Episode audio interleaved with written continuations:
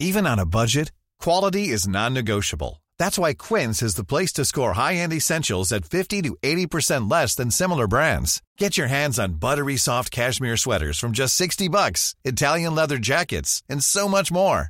And the best part about Quince, they exclusively partner with factories committed to safe, ethical, and responsible manufacturing. Elevate your style without the elevated price tag with Quince. Go to quince.com slash upgrade for free shipping and 365-day returns.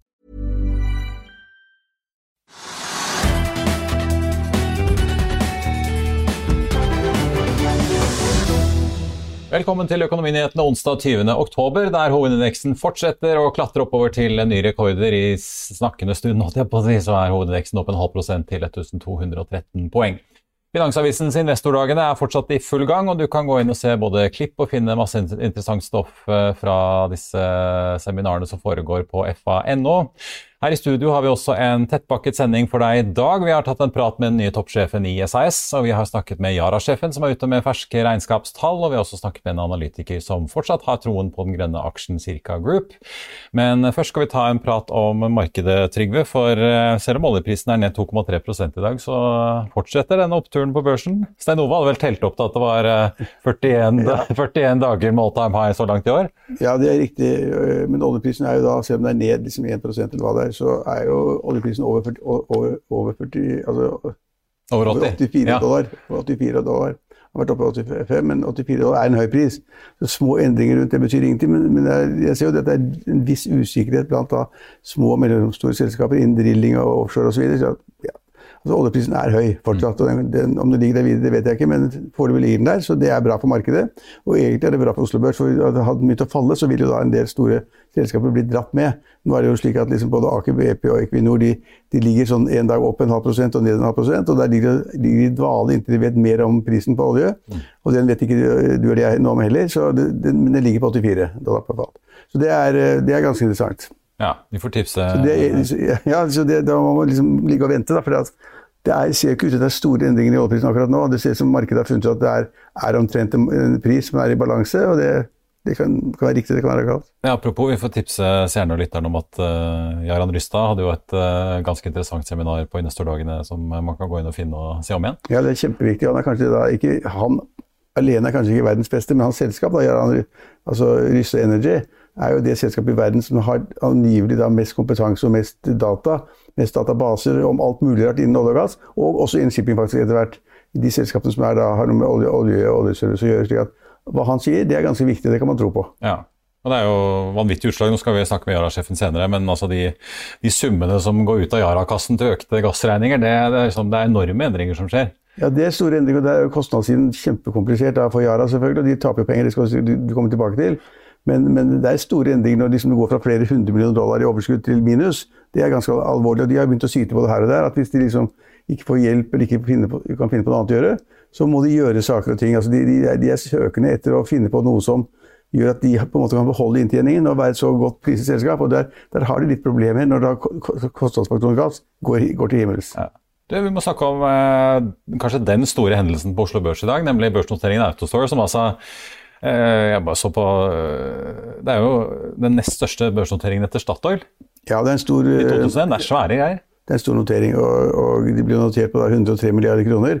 Men altså, det, jeg skjønner jo ingenting av det. ja, det er jo sånn robotiserte lager... Altså, det, det, jeg, jeg, jeg, jeg, skjønner. Opp, opp 11% så langt i dag. 117 ja. milliarder i market cap. Ja, jeg skjønner at det er lager, og det er elektroniske lager. Og det er roboter som ordner på fører og arne frem og tilbake. Og det er også slik at det er, ut, er utvilsomt at det å drive netthandel er stort, og det kommer til å bli større i Norge i alle land. Så netthandel øker og øker, hva du enn driver med, enten det er kunst eller klær eller leker, eller altså Netthandel blir stor.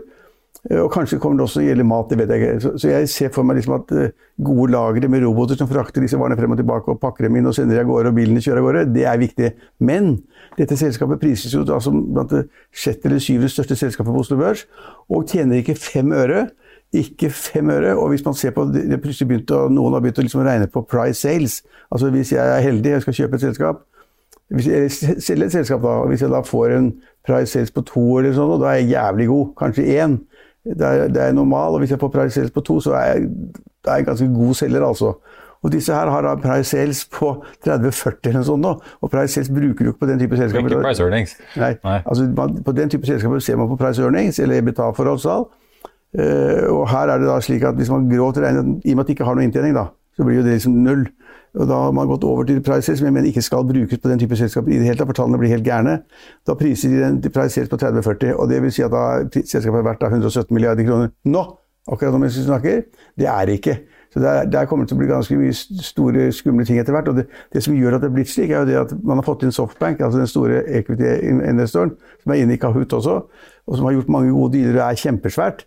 Eh, De har da kjøpt massevis av aksjer, og det er, den er kanskje den største aksjonæren i, i, i Ja, de kom inn i våre, så de har gjort en kule allerede. For så har jo økt masse. masse, milliard, sommeren. masse, Ja. ja, masse milliarder kroner, og EQT også som er inne der, også et oppkjøpsselskap, har tjent masse penger. Og den andre eier også tjent masse penger. Det er mange som har tjent masse penger.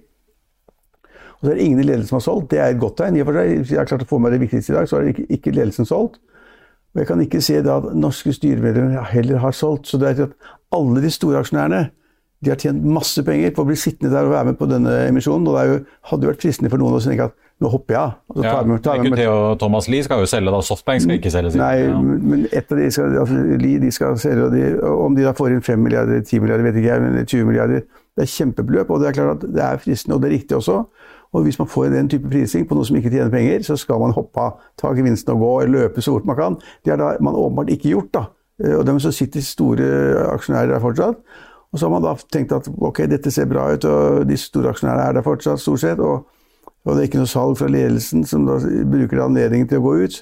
Så har vi fått en prising som jeg, jeg, jeg altså, det, er liksom, det er jo litt urimelig. Skal man da kritisere noe som blir høyt priset, og som er et stort selskap? Altså Ja og nei. Jeg mener at man må jo se på prisingen. Vi må som da uavhengig kunne si at den prisingen er veldig høy. Ikke vill, men nest, veldig høy. Kommer, jeg tror ikke den varer over tid. Den kan vare tre måneder eller seks måneder. Men hvis markedet tar seg litt inn, hvis hovedindeksen faller litt, prisingen av selskapene blir litt lavere i snitt, så vil det også slå ut for de som er overpriset i utgangspunktet. Så vil da et lite fall på Oslo Børs kunne medføre ganske store fall i sånn- den type aksjer. Vi må eh, ta litt om uh, Rex som jo Kjell Inge Røkkes Aker gikk inn i. De har jo slitt lenge med denne fabrikken i Moses Lake i USA, som måtte stenge pga. handelskonflikten mellom Kina og USA. Nå Ja, så sier kommer- eh, Torjund, sjefen der, sier i dag når de slapp Q3-tallene at de fortsatt håper å starte opp i 2023. Har du, har du troen? Nei, at, at de sier at det er et politisk spørsmål. At hvis Biden åpner opp, og hvis Biden da vil på en måte satse på fornybar energi, og vil de også satse på den type selskaper som her trenger disse rå, råvarene altså Røkke kommer ganske billig inn, da. han er ganske god og er da liksom kontrollerende aksjonær. men så venter på politiske løsninger. Nå har de ventet i årevis på politiske løsninger. Fabrikken er stengt. Nå sier de at den kanskje skal produsere noe annet, som også da er råvarer til da Ja, for de lage- prøver å bygge opp en liksom hel verdikjede for solprodukter Ja. i USA, og ikke være avhengig av Kina. Nei, fordi at de, de frykter eller forventer at amerikanske politikere skal si at hvis dere får penger av oss, eller vi kjøper dere, så må dere ha alt i USA. Omtrent som sånne regler de har for de som bygger skip. ikke Jones? Act-skipene, ja. ja. De må gå langs kysten, de kan ikke gå andre steder. Så de, de, altså, de venter på politiske løsninger som kan være langt frem i tid, men som de kanskje antyder at kanskje om en uke så kommer endringer. Det er bare surr. Så, så, så de taper penger. Viktig å vite, de taper penger. så det er så Da har Røkke fått et selskap billig i fanget, og så vet han ikke hva han skal gjøre med det, og så er det ikke noe å gjøre heller for tiden. Ja. Han har jo gått i styret selv, den godeste Linge Røkke, Ja, ja, ja. så han må jo engasjere seg litt i det. Han var veldig, jeg tror de, kom, han, de var ganske heldige og kom billig inn fordi at, eh, fordi at Ultveit Moe måtte selge. Han var den som satt og kontrollerte selskapet, og så hadde han en stor aksjepost. og Så, tvang bankene ham til å selge alt han hadde. og Da måtte han selge de aksjene også, hevder han. og det så vi, vi som, vi som var fulgt med i markedet. Så måtte han da ut rett før det liksom så litt bedre ut, og alt var litt bedre, så måtte han ut med alle aksjene til Røkke, som fanget dem opp. Ja. Det er bra. Det er bra gjort av Røkke. Jeg vet ikke hvem av de som var mest fornøyd. Men eh, Jeg er helt sikker på at Røkke var det. får, det tipper jeg òg. Vi får ta med at aksjen er jo ned 6,5 i dag. Eh, ellers så ser jeg at eh, det er en analytiker som er ute og kutter kursmålet til Atlantic Sapphire, for han tror det kommer emisjon på disse her oppdrettsanleggene i Florida. Jeg kan ikke dette godt nok, men det tipper jeg også. Altså, det, er, det går jo dårlig. Jeg har tapt penger. Jeg har hatt mye store skader, skader og fabrikker, og alt er galt.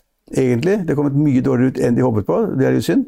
Og hvis man da skulle produsere altså laks på land i Amerika, som da gjør at man slipper transportkostnadene fra Europa eller fra Asia eller hvor man måtte være, eh, så var det et ganske godt tenkt prosjekt. Men det har vært komplisert å få til, og de har, de har ikke fått det til. Og da kommer som regel litt en stund når kassa er tom, så kommer det en emisjon hvor de må hente inn 500 millioner til eller 300 millioner til. Og der har de aksjonærer som jeg ikke tror er i stand til å komme så mye penger, faktisk. Nei, jeg ser eh, det er Kristian Olsen Nordby i Kepler som kutter fra 60 til 30 kroner. Nå er jo aksjen ned 8,4% til litt over 30. Ja. Den analysen er jeg enig i. For det er såpass usikkert og vanskelig, og de har ikke klart det. Det ville vært fantastisk om de hadde klart det. og det er jo, Man prøver seg i Norge på oppdrett på land, og man prøver seg i Kina, man prøver seg i Chile, man prøver seg mange steder. Og det er supervanskelig. Det hadde vært imponerende hvis de fikk det til. Ja, det er Dristig og morsomt, og hvis de hadde fått det, men de får ikke til.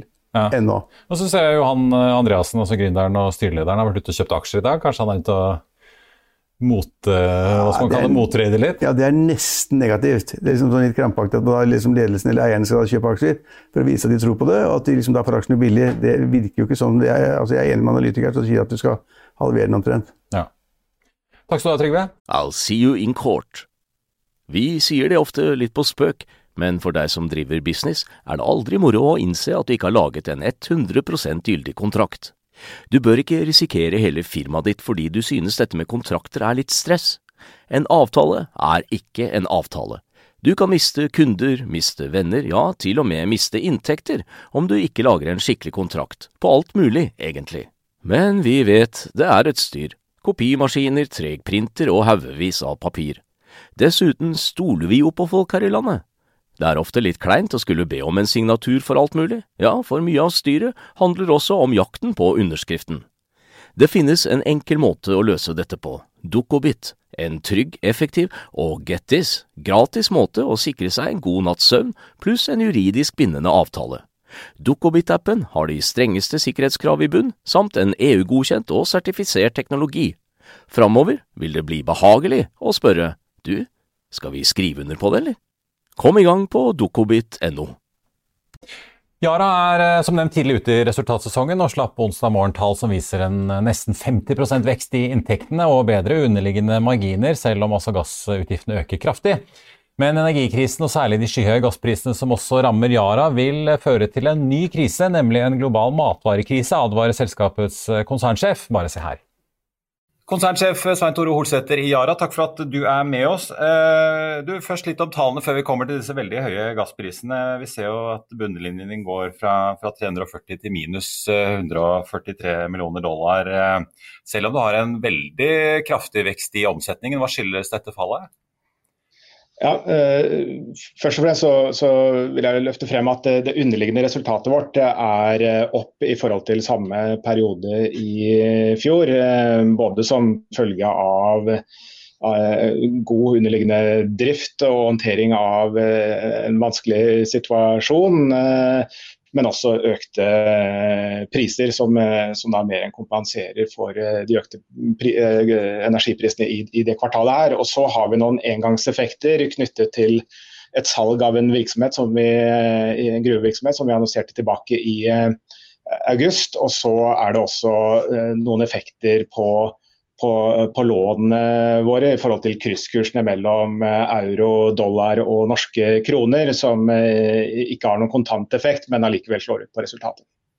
Ja, Du tar jo en nedskrivning, eh, eller dere da, på, på 355 på dette salget i saliter i Brasil, og så er det jo en 150 på valuta omtrent. Men denne veldige veksten i eh, omsetningen, da, hva, drives, hva driver den? Det er jo et eh, resultat av eh, det som skjer i verden nå, med commodity-priser eh, går opp, energiprisene går, går, opp, matprisene har gått opp, og etterspørselen etter gjødsel har også gått, gått opp. Og, og, Det medfører jo at eh, snittprisen på det vi selger også går opp eh, vesentlig. og vi, vi, ser vel en økning i nettosalget vårt i kvartalet som altså Det øker jo nesten med 50% i forhold til samme periode i 2022 i fjor. Så det, det, det gir store utslag. Ja, Vi må snakke litt om denne gassen. Det er jo en ekstremt viktig innsatsfaktor for dere når dere skal produsere kunstgjødsel. Dere meldte jo i september at dere kutter eh, ammoniakkproduksjonen med, med, nesten 40% nettopp for å slippe å måtte kjøpe så mye gass i Europa. Og Dere har jo erstattet en del av dette ved å hente ammoniakk fra andre kilder utenfor Europa. Eh, hvordan ser situasjonen ut nå? da? Hvor lenge kan dette holde på før det begynner å påvirke sluttbrukerne, alle disse bøndene som du selger til? Ja, det, Alle påvirkes jo av det her uh, allerede nå. og Det har vi sett i kvartalet. Og, og Vi snakker jo om enorme endringer. Gassprisene i, dag er vel rundt 30 dollar. Hvis vi går tilbake til i fjor sommer, så var det tre i Europa. Så, så det er jo en uh, enorm uh, økning. Og, og, som du sier, i produksjon av mineralgjødsel så er gass en, en, viktig eh, komponent. Så har Yara en, en fordel ved at vi har et eh, robust og eh, globalt system. Vi produserer også ammoniakk i andre deler av verden. Vi er verdens største trader av ammoniakk. Vi har ammoniakkskip, vi har ammoniakkproduksjon.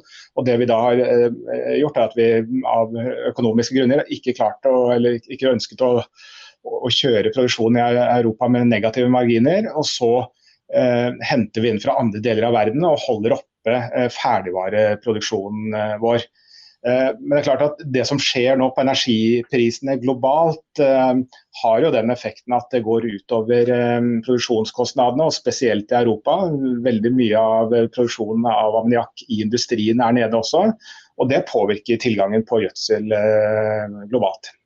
Ja, altså, Nå har jo dere kuttet med 40. Vi ser jo andre konkurrenter av dere som også har stengt anlegg i Europa. Eh, er det sånn at dette vil man begynne å merke nå til neste sesong? Bøndene som skal ut og kjøpe gjødsel. En ting er jo prisene, men også tilgangen på nok gjødsel.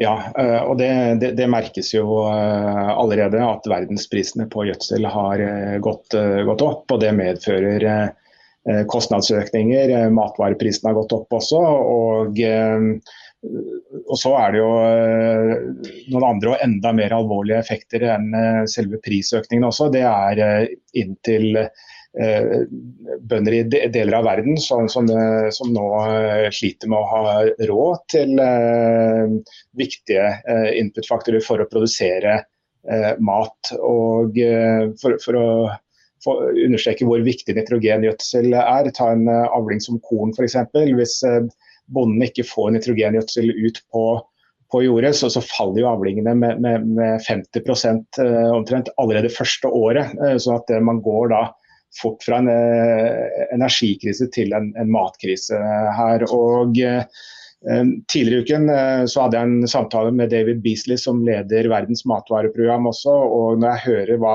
de ser fra frontlinjene nå, der de jobber ute i verden på, på utviklingen på sult, så skremmer det meg. Og, og vi ser også eh, det blant eh, enkelte av våre kunder i eh, land som er spesielt utsatt, at nå, nå, blir de truffet igjen. Og det er de mest sårbare som blir truffet den gangen her også, dessverre. Ja, og det er jo, altså, Vi ser jo på tallene deres, og det er jo enorme summer som begynner å bevege seg. Dere anslo jo tidligere her i, på tampen av sommeren at, at, eh, dere måtte ut med 300 millioner dollar mer eh, for gass i fjerde kvartal. Nå regner dere at eh, dette vil koste dere 850 millioner mer enn en samme periode året før. Og, og en ekstraregning i første kvartal på 950 millioner dollar det er jo mange milliarder kroner, Holsæter. Klarer dere å hente det inn ved økte gjødselpriser ute, ute i sluttbruken?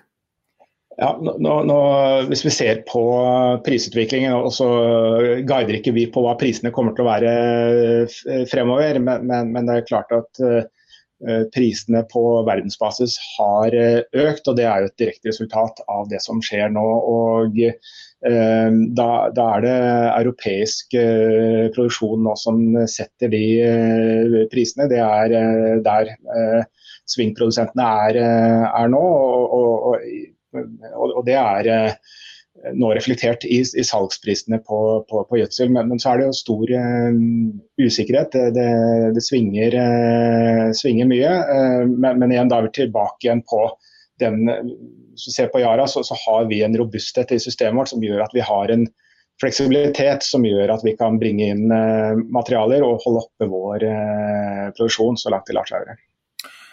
Til slutt, eh, Dere er jo i gang som mange kjenner med eh, å utvikle et uh, grønt ammoniakkprosjekt på, på Herøya. Hvor dere forhåpentligvis skal klare å slutte å bruke naturgass og bruke elektrolyse i stedet. Men dere har jo også meldt i det siste at dere jobber med grønn ammoniakk i, Japan. Både for så vidt i kraftsektoren og på, på, skip. Kan ikke du fortelle litt hva er det dere forsøker å, å få til der borte? Ja, Det er det som er eh, veldig interessant her nå. at uh, Her kan vi løse to ting på, på en gang. Altså Det ene er å altså, bygge et mer robust uh, matsystem som er mindre avhengig av uh, fossil energi. og Det kan vi gjøre gjennom å konvertere til til eh, grønne energikilder, sånn som vi ser nå, som vi jobber med i, i Porsgrunn.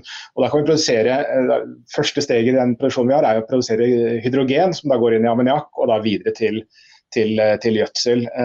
Men den grønne ammoniakken kan jo da brukes til to ting. Det ene er til gjødsel, det andre er som et fossilfritt drivstoff for f.eks. shippingindustrien. Og det er også veldig spennende. og da, da, da Parallelt som vi utvikler prosjektet, så må vi også utvikle markedene for de produktene. og Der ser vi jo en enorm interesse for, eh, for det i shippingindustrien. Og, og, og, Japan ser på hvordan de kan gjøre sitt energisystem mer eh, robust også. så Det handler om å gjøre det her i, i partnerskap, og det er det vi har annonsert bl.a. I, i Japan. Og vi har flere andre også som eh, er med på, på det løftet her. Det skal bli spennende å følge med på. Svein Tore Holsæter i Yara, takk skal du ha. Det er en ny mann på toppen av SAS, men hva vil den erfarne flydirektøren Anko Wandar Werf med det folkekjære flyselskapet? Og hvorfor har han allerede klart å få pilotene mot seg? Vi tok en prat med Wandar Werf i går kveld, og den nye SAS-sjefen er ikke bare klinkende klar på at pandemien ikke er over, selv om flyene nå begynner å bli fulle, men han er også klar på at eh, det snart kommer både en ny finansieringsplan og effektiviseringsplan for SAS. Uncle Wanderaf, thank you so much for joining us from uh, Stockholm today. Uh, you're fast approaching 100 days in your new job as, as head of uh, SAS. I guess I should say congratulations, even though you are in an industry that's been struggling a lot uh, for the past couple of years.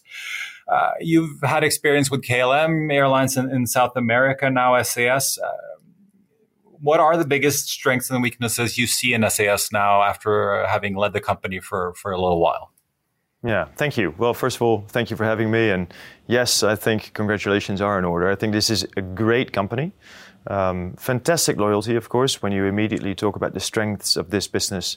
Um, Seven million people in Eurobonus, everyone who flies with us. Um, really, that's not a sales pitch. I think this is truly a remarkable company with 75 years of history. Um, and it's a pleasure, really, to be here. So, do you want to admit some of the weaknesses you see in SAS? I mean, you're facing competitors like uh, obviously the big network companies uh, that you know very well, and you're also facing a restructured Norwegian with close to zero debt. You're facing Flyr, which is starting from a few blank sheets of paper, so to speak. Yeah, so again, first of all, let's look at our strengths, right? And, and, and who we are and what we do well. Um, I think we have a very strong network. We are the Scandinavian business airline by choice. Um, and I think we have a foundation with a lot of great people, with a lot of expertise. Um, and again, 75 years of, of uh, history and culture of safety and care, right? So I think that's a lot to build on. Yes, um, rough seas, right? Let's be honest there. Um, I think when you look at the past few years, and especially in the pandemic, um, some of the airlines restructured uh, fully around us, uh, right? Financial restructurings, um, um, with or without outside help. Um, let's be very clear there. Um, doesn't make it easier, but we will face that head on. Um, we will compete. We will have no other option to compete. And therefore, it is important that we change with the market. But what are, uh, when you look at your financial, there's a discussion going on now whether SAS will need to raise more capital or, or find some sort of refinancing uh, structure package of some sort. Uh, what is the biggest challenge you have when you look at the numbers in SAS uh, from your point of view? Is it the fact that you haven't restructured and gotten rid of a lot of lease liabilities and, and debt like Norwegian has, for example, or is it your your operating costs and wage levels? I think our biggest challenge is that a lot of people think um, that this pandemic is over when the flights are full uh, right? And that's just not the case. We see the market rebounding. It's very positive to see. We see full flights again. We're adding capacity, therefore, also as we speak. Literally every week we've got a growing schedule again. But this pandemic is not over when the flights are full. We have taken on massive debt, loans, whatever you want to call it, right? Financial burden for the future. And again, positioning this business successfully for that future means addressing all of that. So, so, do you have obviously SAS has been working um, with reducing their cost levels for years and years and years, and have had several programs to do so. Um, are you setting new targets internally, or are you sort of just uh, carrying through the targets that have been set from before? No, I think it will be a mix, a mix of everything. Um, look, uh, again, this this this pandemic has left, um, well, let's call it scars, right? I don't think there's a better way of putting this, and you see some of that, of course, in the past few weeks as well, right? There is there is really um, scars that are left and that we need to heal, um, right? Financial scars, of course, for for for the near foreseeable future. Um, going on and continuing with some of those um, programs that we ran, indeed, as you say, correctly so, I think more has to be done. I, I truly believe that more has to be done in order for SAS to be competitive. And um, that is something that I will announce over the next few weeks. Of course, first internally, that is the right place to start there. Um, but there's there's a lot of stuff we can and must do have you concluded whether you need obviously uh, not, well I don't expect you to sort of divulge any detailed uh, plans or numbers on, on air but but have you concluded whether you need more capital uh, to be able to sort of survive out of this pandemic um, not fully yet, um, right? And, and happy to talk to you once we are in a position to, to talk about that, which I think is probably at the end of the financial year. So um, we announced that pretty much by, by the first week of December, right? First of December. I'm happy to talk to you again and go through it in more detail. But look, um, you have seen it yourself, and analysts have pointed it out. We still have negative equity. Um, how big of an issue is that really uh, for us going forward? Well, clearly needs to be addressed. And like I said, we've got that debt level that we've taken on, right? Um, substantial sums with debt servicing increasing over the next few years. So once again, this pandemic for us, and I don't think for any airline, is over now that we are increasing capacity again and the flights are full. I talked to your your colleague Simon uh, Pauk Hansen, uh, Chief Operating Officer, a few a couple of weeks ago, and he was quite frank uh, with your new uh, SAS Link regional jet um, service that you're launching now in the spring. Uh, you've committed to to leasing in six uh, regional jets temporarily, but he was quite clear that SAS is not in the position to make a long term investment in that sort of fleet yet. How problematic is that for you, given that the whole industry now is trying to ramp up and move move out of this uh, pandemic? Well, I think there's two elements to what Simon said, uh, right? There is first, of course, there is the financial reality, but I think far more important is also, um, especially when you looked at when he said that, um, there is that market uncertainty still, right? And, and I don't want to be doom and gloom. Once again, market is booming at this moment. Um, we really see um, us as well, demand coming back, flights are full. We put back capacity, and therefore, of course, already in a pretty different position already somewhat than a few weeks ago, right? So you also have to imagine um, what Simon, when Simon said these things, right? So going forward, um, definitely, we want to grow, we want to be competitive, we want to make sure that we grow, of course, in the right circumstances. That includes all of what we have just mentioned. Um, but yeah, financially speaking, we still have um, a challenging period ahead of us.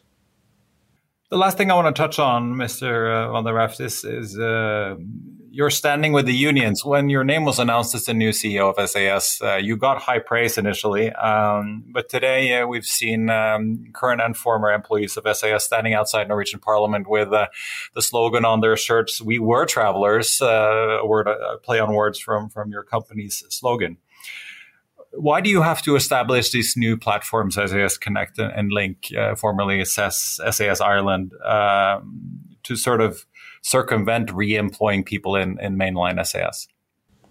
So first of all, I want to really make clear there, um, we are fighting exactly that same battle, right? We want to rehire these people, highly skilled SAS employees, right? That of course, due to the pandemic, unfortunately, had to um, had to say goodbye um, to SAS. We want to make that temporarily, right? We want, of course, these people, as we want mechanics back, as we want, of course, our ground services teams back, as we want head office personnel back. Once again, um, people have to realize how big of an impact this pandemic has been for the entire airline industry, right? It's not just one brand, one company. It, it's easy to forget almost, but Let's remember, right? 2020, every single month, what was going to happen?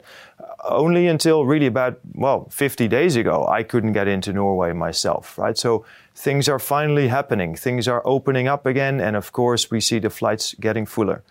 What we do need to do is make sure that SAS is set up structurally successful for hey, years to come, right? And that is our task at the moment.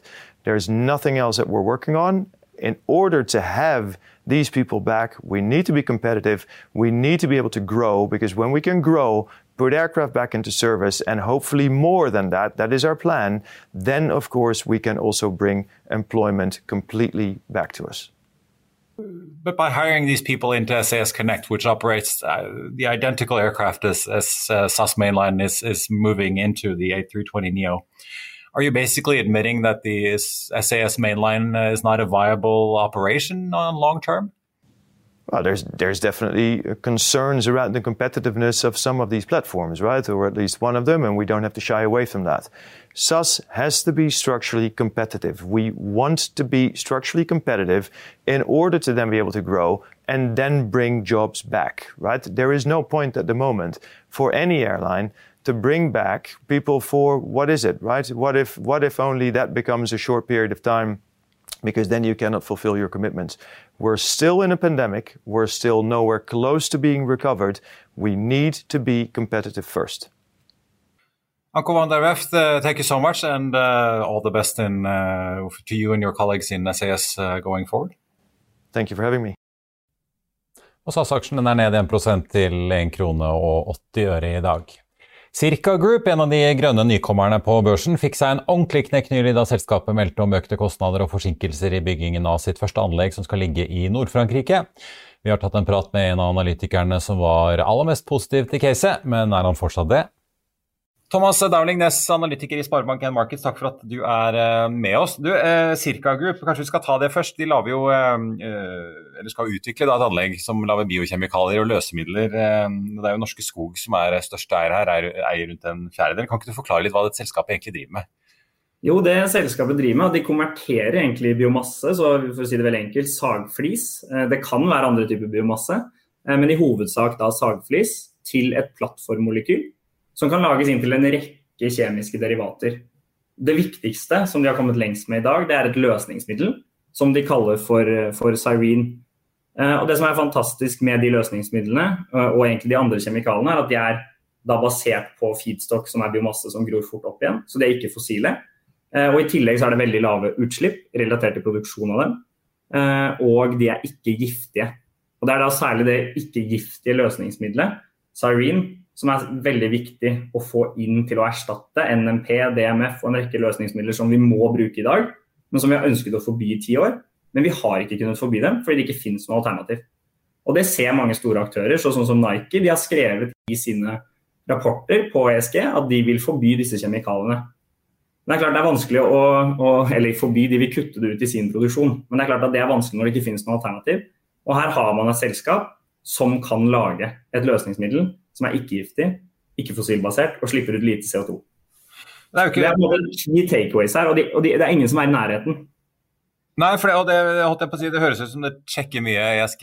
Mm. Det er jo ikke rart på en måte euforien var stor da dette selskapet kom på børs, og, og du var jo en av de som eh, trodde at dette kunne gå skikkelig bra. Så kom det jo en, en melding eh, her for ikke så lenge siden i forrige uke om dette Resolute-prosjektet deres i Frankrike, da, hvor de varsler at her kommer kostnadene til å bli ganske mye høyere enn først uh, skissert, og at uh, ja, en sånn økning fra et par og 30 til, til, litt over 50 millioner euro kanskje, og, og en utsettelse i ferdigstillelsen med et halvår til uh, ja, nærmere slutten av 2023.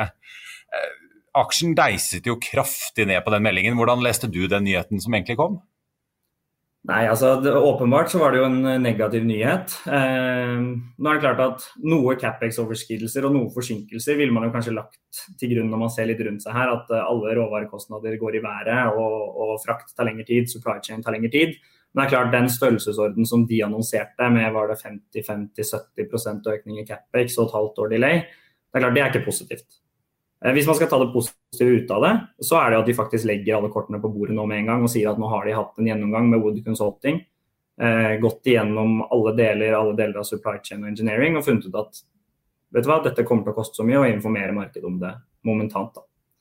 Men er det, ser du det som, er det noen teknologiske utfordringer med løsningen deres, eller handler dette om ja, disse flaskehalsene og forsinkelsene som vi nå ser ut av koronapandemien? Nei, det er ingenting teknologisk. Så teknologien og den leverandøren eksempel, av reaktoren, som er en av de kostnadene som har gått høyest, den har de testet, den vet de fungerer. Så det er mer at prisen på den har gått opp. Det er klart at det er et lite selskap, det er et lite, lite prosjekt i, eh, for, for, de som skal levere teknologi inn her. Eh, så klart at da har man kanskje ikke de beste kortene på hånden. Men man kan snu litt rundt på det og si at eh, vil ikke de som leverer teknologi her være interessert i å levere til dette lille prosjektet? Ok, kostnadene har økt, men det er kanskje ikke et prosjekt de taper så mye penger på, for å da kunne være med på den videre veien. Um, og Det indikerte selskapet at de faktisk har fått interesse fra andre aktører som tidligere var for dyre, som kan levere litt mer si, premiumreaktor, hvor man kan bruke en del av det biokullet man produserer inn igjen i prosessen. Så Man har faktisk fått interesse fra andre også, og det er reaktorer man har også testet tidligere. Men sånn teknologisk så er ikke den børsmeldingen, det er ikke det den børsmeldingen her går på. Det er mer kanskje at markedet mister litt tillit til organisasjonen, da, og på en måte at man ikke har sikret noen kostnader. Ja, eh, hva gjør denne utviklingen med på en måte caset? da? Denne aksjen har jo vært oppe i litt over 28 kroner her i april. Nå er den jo nede i rundt 10 kroner og 40 på Oslo Børs i dag. Eh, selskapet sier jo foreløpig at de, de, vurderer litt hva de skal gjøre med finansiering, men det kom kanskje ikke helt klart frem hva de har tenkt å gjøre. Tror du det kan komme en emisjon, eller? Altså Det selskapet sier, eh, jeg har vært i diskusjon med de flere ganger, det er at de er trygge på at de skal at det Capex-nivået de guidet uh, nå på, på, torsdag, var det vel, det er maksimum. Og de jobber nå med Teknikk på FMC for å få ned kostnadene. Det er det ene. Uh, men hvis man bare ser på, på måte, Capex og og cashburn versus hvor mye cash de har på bok, så, jo, så står det jo egentlig implisitt at de kommer til å trenge kapital.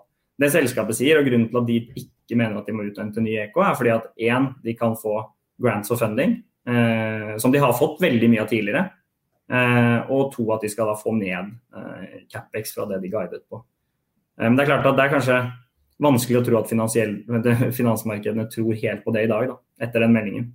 Ja, og i så måte kanskje greit å bare hente 150 eller 200 millioner, så er man sikret, da. Ja, ja, for du mener de burde hente penger nå, ikke drøye det? Nå skal vel ikke jeg som mener så mye om når de skal hente penger, men jeg tror at, eller det jeg ville fryktet da, som aksjonær i selskapet, er at en del av de positive nyhetene som avtaler med Merck, avtaler med denne sportswear-brandet som vi tror er Nike, eh, at en del av de nyhetene kanskje blir, ikke får den effekten de ville hatt da, hvis man visste at selskapet var fullfinansiert. Ja.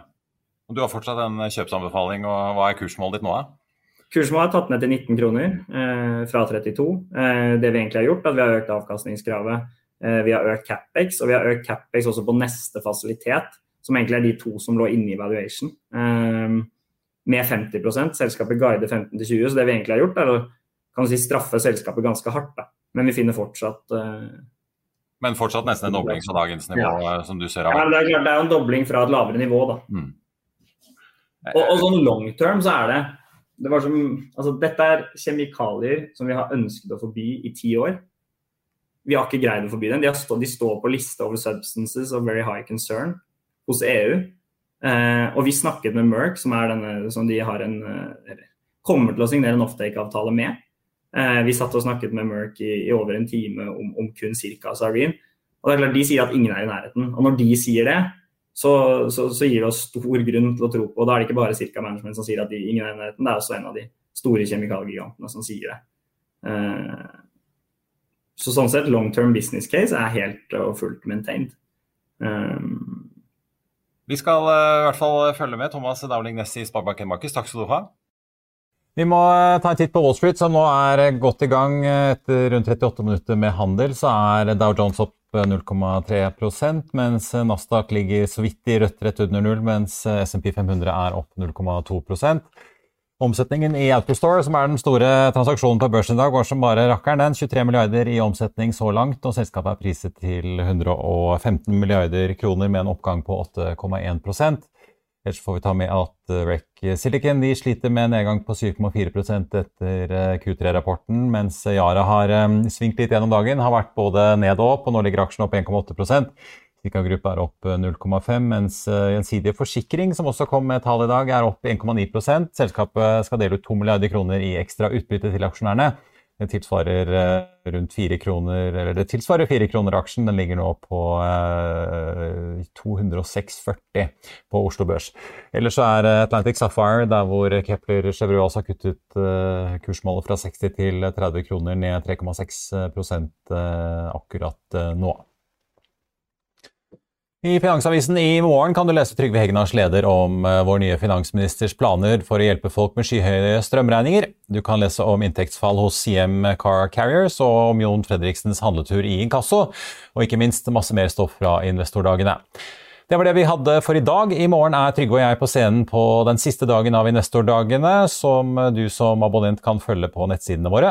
Og så er jeg tilbake her i stolen på fredag klokken 13.30 med bl.a. Telia Norge-sjef Stein Erik Veland. I mellomtiden får du som alltid siste nytt på finansavisen.no. Takk for at du så på, og så ses vi igjen snart.